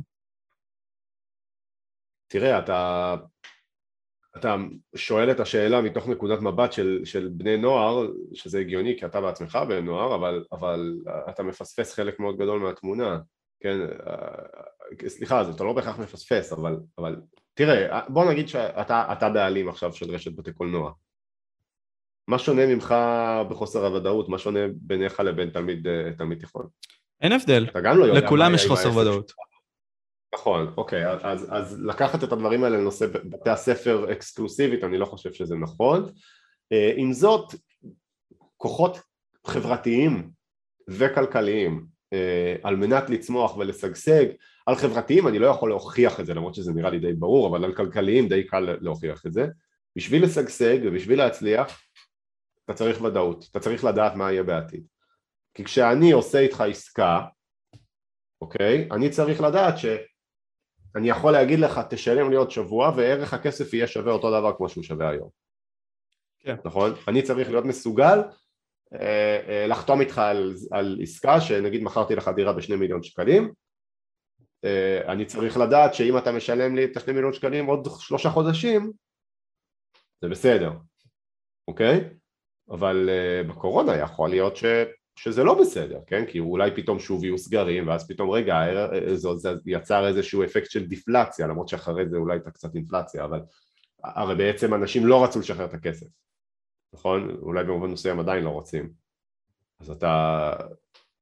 זה פוגע בוודאות וזה לא נכון רק למערכת החינוך וכמובן שזה לא טוב בשום צורה, בשום דרך או צורה אני, אני, אני לא, לא כרגע לפחות במחשבה שלי אני, אני לא רואה את הקייס שאפשר לבנות אה, לטובת חוסר ודאות כן חוסר ודאות זה, זה לא טוב, זה לא טוב פסיכולוגית, זה לא טוב כלכלית אה, ואני מקווה ש, שנחזור לוודאות אה, כמה שיותר מהר.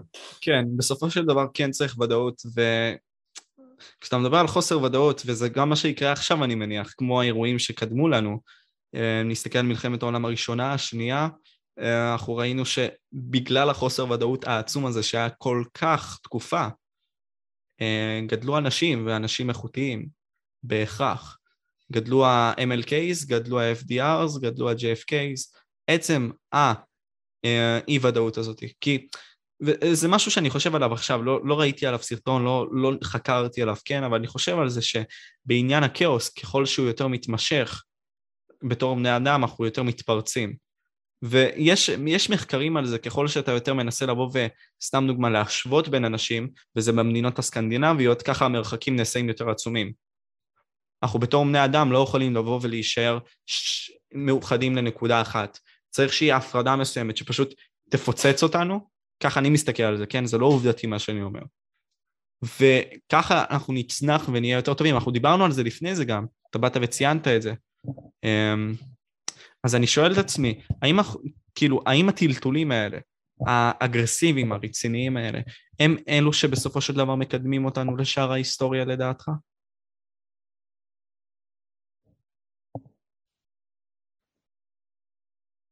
למה אתה מתכוון כשאתה אומר מקדמים? מקדמים זאת אומרת אנחנו, וואו זו שאלה מאוד עמוקה כשאתה שואל להתקדם, כן, כי זה על אותו... המילה מקדמים, אתה רומז על טוב. אני רומז על טוב, כן, אה, זה, זה כמו הדיבור על זה, על השיפור, כן, אני מבין מה אתה אומר.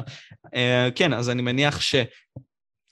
אני, לא יודע על מה יתבסס על טוב, כן, אבל על מה שאנחנו בתור אנושות מניחים שהוא טוב. וזו שאלה מאוד עמוקה, מה אנחנו מניחים שהוא טוב. אני לא חושב שזו שאלה שאפשר לענות עליה, הסיבה לכך, הסיבה לכך שזה מה שאני חושב, היא שכשאתה אומר אה, אה, שההיסטוריה מתקדמת ואתה רומז לאיזשהו משהו טוב, אנחנו לא באמת יכולים להגיד אם זה יותר טוב או פחות טוב, כי יש לנו רק היסטוריה אחת לפחות שידוע לנו עליה, ואנחנו לא יכולים לדעת מה היה אם לא היה האירוע הזה ואם לא היה האירוע הזה, נכון? אז, אז אני, לא, לא כל כך יודע לענות, אבל, אבל לענות לשאלתך בצורה יותר כללית ואולי קצת חסרת תועלת, הייתי עונה את, את התשובה חסרת התועלת הבאה, אה, כן, ברור שלאירועים שקורים יש אפקט על העתיד. אז, אז אה, זה, זה מה שהצלחתי להוציא, אבל אה, אולי זו לא התשובה הכי טובה או עמוקה בעולם, אבל אולי דווקא כן. אתה יודע, אני חושב ודיברנו על זה עכשיו. אנחנו ניסינו להגדיר מושגים, כן? אבל חשבתי על זה גם לפני שאנחנו נכנסנו לפודקאסט. העניין הזה שאנחנו זורקים הרבה מאוד מושגים לאוויר, בלי הרבה מאוד קונוטציה של ההבנה הבסיסית שלהם. כי כאשר אנחנו מגדירים משהו, זה כביכול מוסכמה חברתית סוג של. זאת אומרת, אם אנחנו עכשיו מגדירים את המילה שוויון, אנחנו יודעים למה הוא נכנס. אי אפשר לבוא ולהפוך את זה למקרה פרטני של משהו. ככה אני מסתכל על זה לפחות. נגיד, אנשים צועקים, אנחנו רוצים שוויון. אנחנו רוצים שוויון בין כולם, שכולם יהיו שווים וכו'. זה... הדרסטיות פה נכנסת למעמקים מאוד עצומים. אז אני שואל את עצמי עכשיו, ואני אשמח לשמוע את דעתך לגבי זה, האם אתה חושב שבני אדם איבדו מהבסיס ההבנתי של אותן מוסכמות בקטע הזה, אם נלך על המילים, או ההבנות הבסיסיות שלהם, ופשוט מתקדמים הלאה, ובכך, סתם דוגמא, אם ניקח את זה יותר רחוק, האנשים היותר אינטלקטואליים פשוט יכולים לבוא ולהיראות חכמים יותר בכך שמשתמשים בביטויים יותר רהוטים, ומה שנקרא אה, יותר חכמים. אם נקרא לזה בצורה בורה סוג של.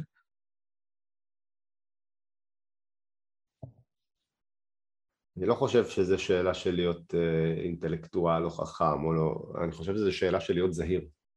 Mm. כן? מה הכוונה שלך? כש, כשמאוד חשוב לך שהמילים שאתה אומר יהיו מדויקות,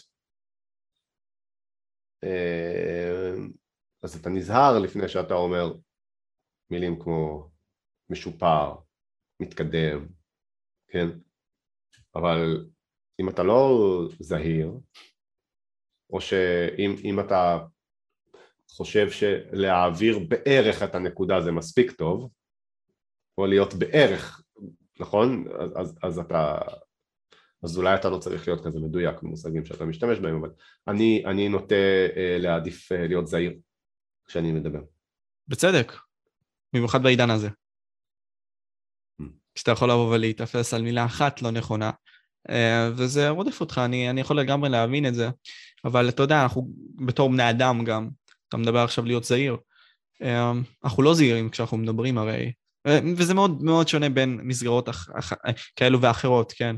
אבל הרבה מאוד מהשיח שאנחנו מנהלים הוא לא מנוהל נכון לדעתי, מהסיבה הפשוטה שאתה, כפי שאתה באת וציינת את זה, אין אין בהרבה מאוד מהשיח תועלת. ועכשיו השאלה האמיתית היא לדעתך, האם כל שיח צריך להיות בר תועלת?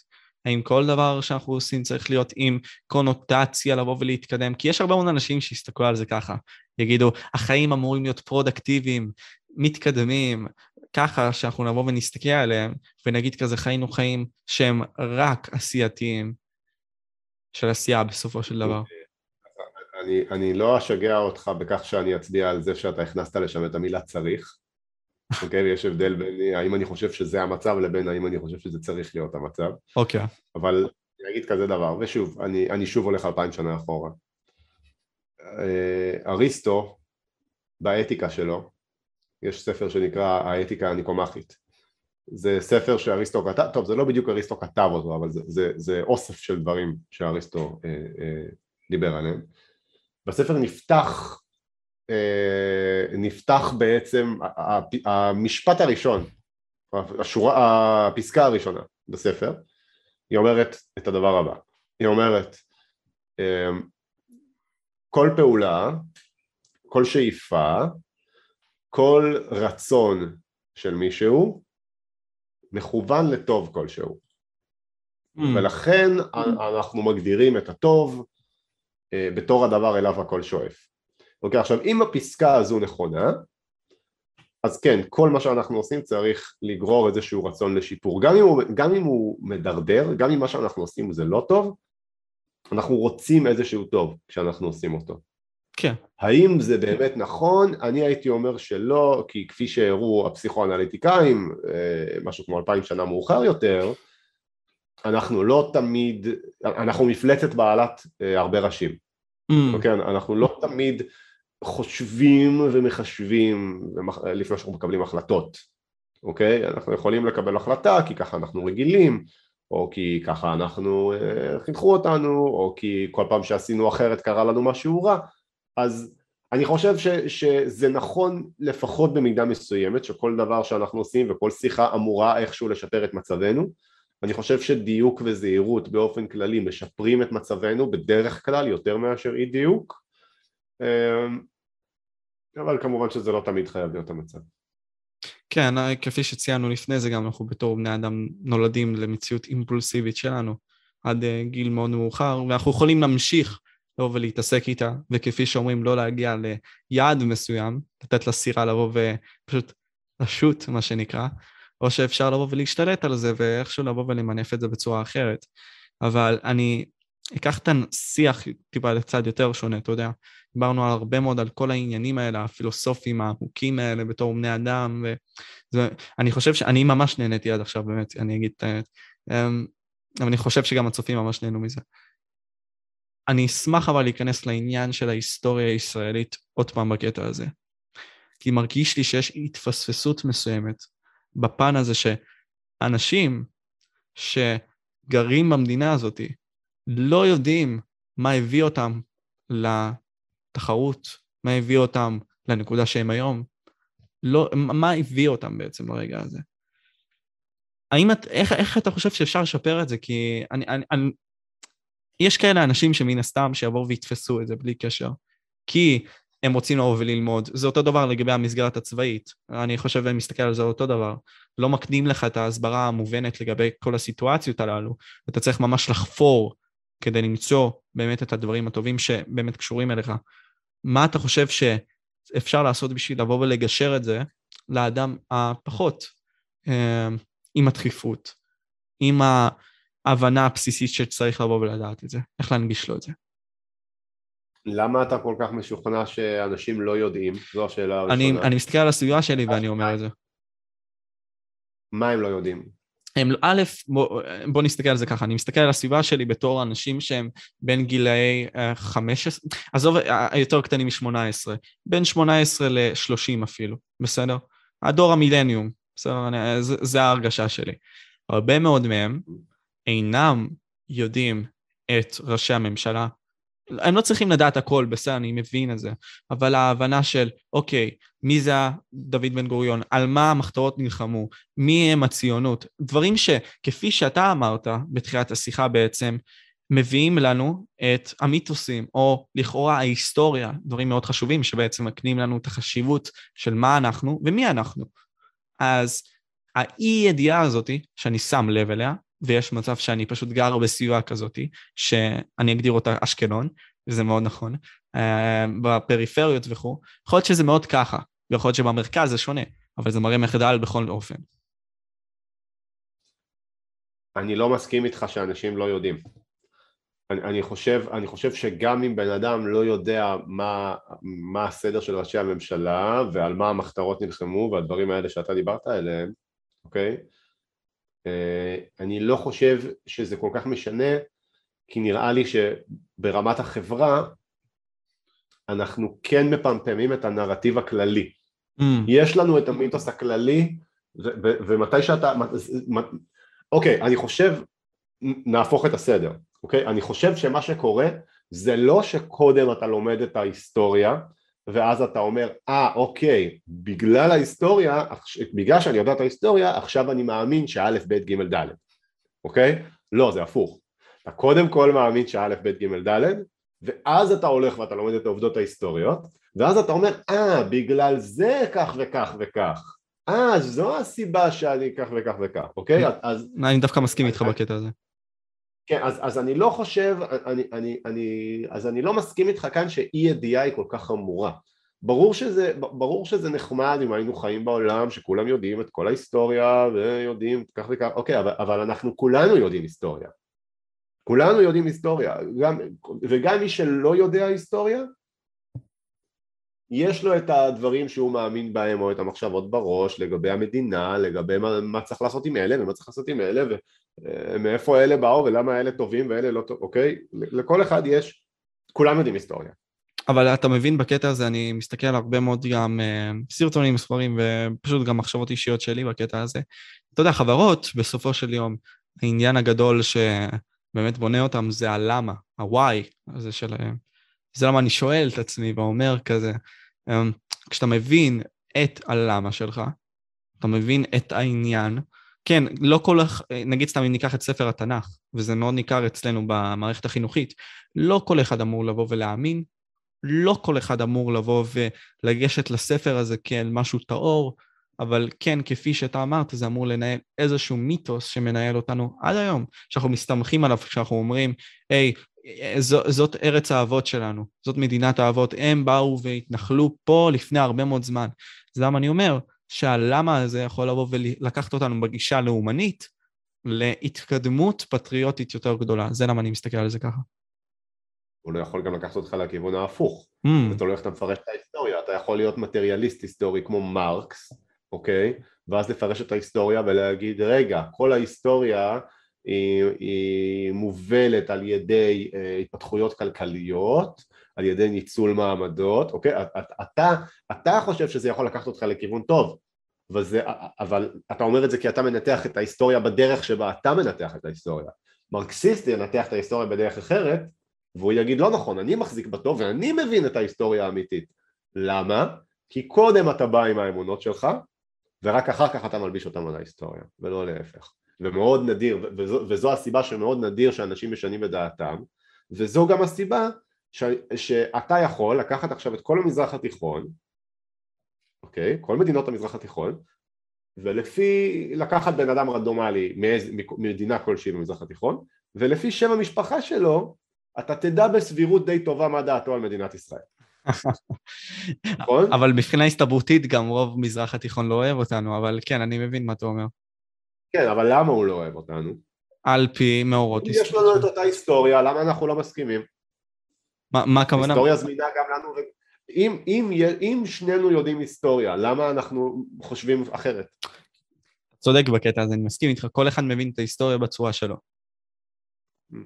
אז זה, המחשבה מאוד נכונה בקטע הזה, ואני כן נוטה להסכים איתך, ואני יותר, עכשיו הדגשת לי את העובדה הזאת, שיש הרבה מאוד אנשים שהם פועלים בדרך הנגדית כפי שאתה תיארת אותה, זאת אומרת, הם לומדים את הדברים, ולאחר מכן יוצרים את הדעות שלהם על אותם דברים.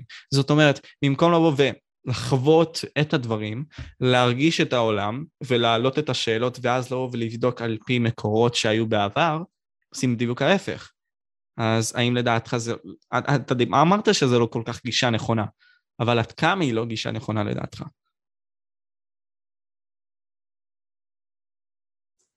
מתי אמרתי שזו לא גישה נכונה? אמ- אמרת שזה פשוט אה, לא הדרך הנכונה לבוא ולהסתכל על זה, נגיד סתם שבן אדם בא, עורך אה, מאורע היסטורי מסוים, ואחרי זה יוצר את ההנפשות שלו לגביו. אה, לא, אני אמרתי ש, ש, ש, שזה הפוך, שאנשים קודם יוצרים את ההנפשות. כן, בדיוק, בדיוק. בדיוק. אז, אז, אז אני באתי וחשבתי, וזה גם עוד, עוד איזושהי טעות ככל הנראה, שאתה קודם כל, כאילו, הדרך הזאת היא לא נכונה.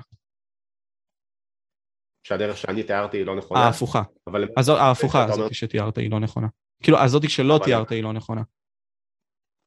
למה אתה מתכוון כשאתה אומר נכון?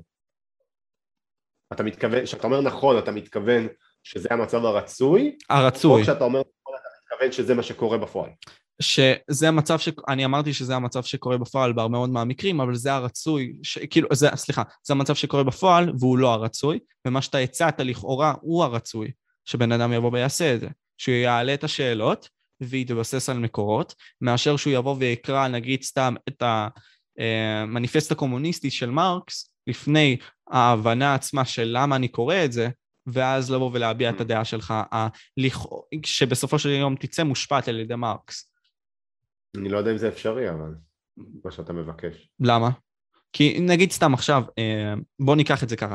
אתה נגיד דורן, אני חוגג עוד שנה יום הולדת, אתה נותן לי את המניפסט הקומוניסטי בתור אה, מתנה ליום הולדת 19 שלי. אני אומר לך, תודה, תודה. אה, לוקח את המניפסט, סתם דוגמה, ואני לא יודע כלום לגבי זה, אני פשוט אומר, אני אקרא את זה. ופתאום אני רואה וקורא, בלי לבוא ולשאול שאלות על מה הספר, מה קורה בו, והתכנים שבתוכו, אני רואה את הראייה של מרקס, שהיא נראית מאוד משכנעת לנער, לבן אדם שלא יודע כל כך, ועזוב את העניינים האידיאולוגיים, פשוט מסתכל על זה כפי שהוא כתב את זה, זה משכנע אותי, אז אני בא ולוקח את הדעה שלו בלי לבוא ולחשוב על הדעה שלי. זה מה שאני מתכוון כשאני אומר את זה. אתה אומר שזו הדרך היותר טובה. זה הדרך הלא טובה, הלא טובה. נכון. אוקיי, אני גם חושב שזה לא כל כך. כאילו, יש בזה משהו מאוד אטרקטיבי, שאתה כאילו בטהור ונקי, אבל מצד שני, במקום להביא לך את המניפסט הקומוניסטי של מרקס, הייתי יכול להביא לך גם את Anarchy State and Utopia של נוזיק, שזה בערך, בערך ההפך הגמור מהמניפסט הקומוניסטי, נכון. וגם זה היה יכול להיות משכנע אותך. נכון, אוקיי? ו- וזו הסיבה, וזו הסיבה שיש לנו מיתוסים ויש לנו היסטוריה ויש לנו דברים שאנחנו מאמינים שככה דברים עובדים יותר טוב או עובדים פחות טוב, אוקיי? ו- ואנחנו בתור כמו, החברה שלנו היא כמו איזשהו גוש כזה שמתגלגל ולפעמים, ובולע דברים ופולט דברים, נכון? בולע רעיונות ופולט רעיונות ולפעמים הוא בולע רעיונות לא טובים ובתקווה הוא יפלוט אותם מהר ואם הוא לא יפלוט אותם מהר אז יקרו דברים גרועים כמו לפני במאה הקודמת אבל, אבל אני חושב שזה בלתי נמנע, אז, אז אני חושב שעדיף במקום לדבר על האם זה טוב, לא טוב, צריך לעשות את זה ככה, לא צריך, אני חושב שיותר חשוב להבין את זה ואולי זה חוזר למה שאמרתי אחורה, כן, שבתור חברה, בתור ממש אה, אה, אה, מין אנושי, אוקיי? אז, אז נראה לי שעדיף אה, להיזהר ממצב שבו אה, כולם רואים את הצל שלנו אה, חוץ ממנו. כן. הבנתי אותך. אני אשאל אז שתי שאלות קצרות בכללי לגבי כל העניינים האחרים שלא שאלתי אותך. איזה ספרים אתה ממליץ שאנחנו נבוא ונקרא? אה, לצופים, איזה ספרים אתה ממליץ שהם יקראו וישכילו, אה, לא משנה על אילו רקעים, אתה יכול לבחור איך שאתה רוצה, תן שלושה. הרבה מבחר. אוקיי, okay, אז, אז האמת שהספר האהוב עליי אי פעם זה, זה ספר סיפורת, זה לא ספר פילוסופי בשום צורה, אז אני אמליץ עליו קודם, הספר הוא שוגון של, של ג'יימס קלאבל, זה רומן היסטורי, מומצא אבל שמבוסס על אירועים אמיתיים, uh, אז הייתי אומר שזה ספר אחד שמאוד אהבתי. Uh, עוד ספר שמאוד אהבתי, אני מאוד מאוד, אני, חושב שהספר הפילוסופי הטוב ביותר שקראתי הוא Anarchy State and Utopia של רוברט נוזק, זה ספר פילוסופי, הוא, הוא תומך, הוא בעצם ספר שמציג בצורה מסוימת את הקייס הליברטריאני, אני חושב ש... ש שאני בעצמי לא לגמרי ליברטריאן, אני לא ליברטריאן, כאילו, כן, אני לא ליברטריאן, אבל, אבל ה, ה, אני חושב שהספר הוא ספר טוב והוא מעלה uh, נקודות טובות אה, מאוד, אה, והוא די קל לקריאה. אה, אז זה הספר השני שהייתי ממליץ עליו, והספר השלישי, האמת, אין לי איזה משהו שקופץ לי לראש בצורה ברורה, אולי המדינה של אפלטון, אבל אם לא המדינה של אפלטון, יש ספר בשם Justice, צדק, של אה, מייקל סנדל, אני חושב, שזה איזשהו מרצה באוניברסיטת הרווארד, אה, והספר הזה מהווה מעין סקירה אה, של כל מיני תפיסות פילוסופיות כאלה ואחרות, אני חושב שזה, שזה ספר די טוב. הוא, הוא מציג דברים בצורה נוחה, אני, אני לא אוהב ספרים קשים, כן? למשל מעבר לטוב ורע, Beyond Good and Evil של ניטשה למשל, אה, זה ספר טוב מאוד, אבל הוא קשה, לא נעים, לא, לא נעים כל כך לקרוא אותו. אה, כן, הוא מלא, הוא מלא בתבונה לכאורה של ניטשה, אבל הוא, כן, אני מסכים איתך, הוא מאוד קשה. כן, אז, אז נגיד אני מעדיף שיהיה נעים לקרוא את הספרים שאני קורא, אני לא אוהב לעבוד אה, כל כך קשה בשביל להבין מה בן אדם אחר רוצה ממני. מחשבה מאוד חשובה לגבי כל העניין הפשוט הזה של לבוא ולהבין את הדבר, וככה זה יותר נקלט גם. אמ, זה גם הסגנון של, סתם דוגמה, רפול, כשהוא רושם את הספרים שלו, אז מאוד מעניין מה שאתה אומר. שאלה אחרונה, מה לדעתך השיעור הכי גדול שאתה למדת מהחיים? אני לא יודע בוודאות אם זה השיעור הכי גדול, אבל, אבל מה שעולה לי לראש, אה, שתי המיומנויות הכי חשובות שאני למדתי הם דבר והיפוכו, אבל זה אולי אפילו קצת אריסטוטלי כזה של לדעת מתי המצב הנכון להתנהג איך. אוקיי? כי הדבר החשוב הראשון שלמדתי, אני בתור נער, בתור ילד גדלתי, הייתי מאוד פראייר. היה מאוד קל לעבוד עליי, היה מאוד קל לגרום לי לעשות עבודה אה, שאני לא צריך לעשות, אוקיי? והדבר הראשון שלמדתי, אה, וגם החשוב מאוד שלמדתי בבגרות המוקדמת שלי, זה לא להיות פראייר, אוקיי? אה, אבל מיד אחרי שלמדתי לא להיות פראייר, וזה היה מאוד חשוב, הגיע עוד שיעור, והוא היה ללמוד כן להיות פראייר. Mm. כן, כי יש לפעמים בחיים דברים שאתה לא יכול לחשוב כל הזמן מה יצא לי מזה, מה יצא לי מזה, ואתה פשוט צריך להתרכז בלעשות עבודה טובה. אמ, אז הייתי אומר שהשיעור החשוב ביותר שלמדתי זה איך לא להיות פראייר ואיך כן להיות פראייר. לדעת מה טוב ומה רע, מה שנקרא. הבנתי אותך. האמת שאפשר אולי לסכם את זה לכך שאותה התנהגות יכולה להיות מתאימה או לא מתאימה במצב מסוים, וההתנהגות ההפוכה ממנה יכולה להיות מתאימה או לא מתאימה במצב מסוים. ללמד את עצמך את כל הספקטרום של ההתנהגויות בעצם. אני מסכים איתך, היה לי התענוג לבוא ולהיות איתך בשיח הזה, ואני מקווה לעוד כאלה. אני מקווה שגם אתה אה, נהנית ממנו ולא לא סבלת בהכרח. לא, לא סבלתי בכלל, היה נחמד מאוד ואני שמח שהזמנת. אז אה, קודם כל אני אבוא ואגיד שאת הדרך הקלה ניתן למצוא בעצם בפייסבוק, באינסטגרם, בדיסקורד, אה, ודורן שפרי אפשר גם למצוא גם באינסטגרם בכללי. אה, אז זהו חברים, זה מה שיש לי לבוא ולהגיד, מקווה שאתם נהניתם מהפודקאסט הזה, ואם כן, תביעו תמיכה, תעקבו אחרי התכנים של דורן, הם ממש מעניינים, אני אבוא ואגיד, באמת הם מעניינים. אה, ולא הייתי יכול להמליץ אחרת. אה, זהו, חברים, מקווה שיעבור עליכם יום מדהים. אה, אני הייתי משה, וויטוק פודקאסט עם דורון שפריר, וזהו, עד לפעם הבאה. ביי.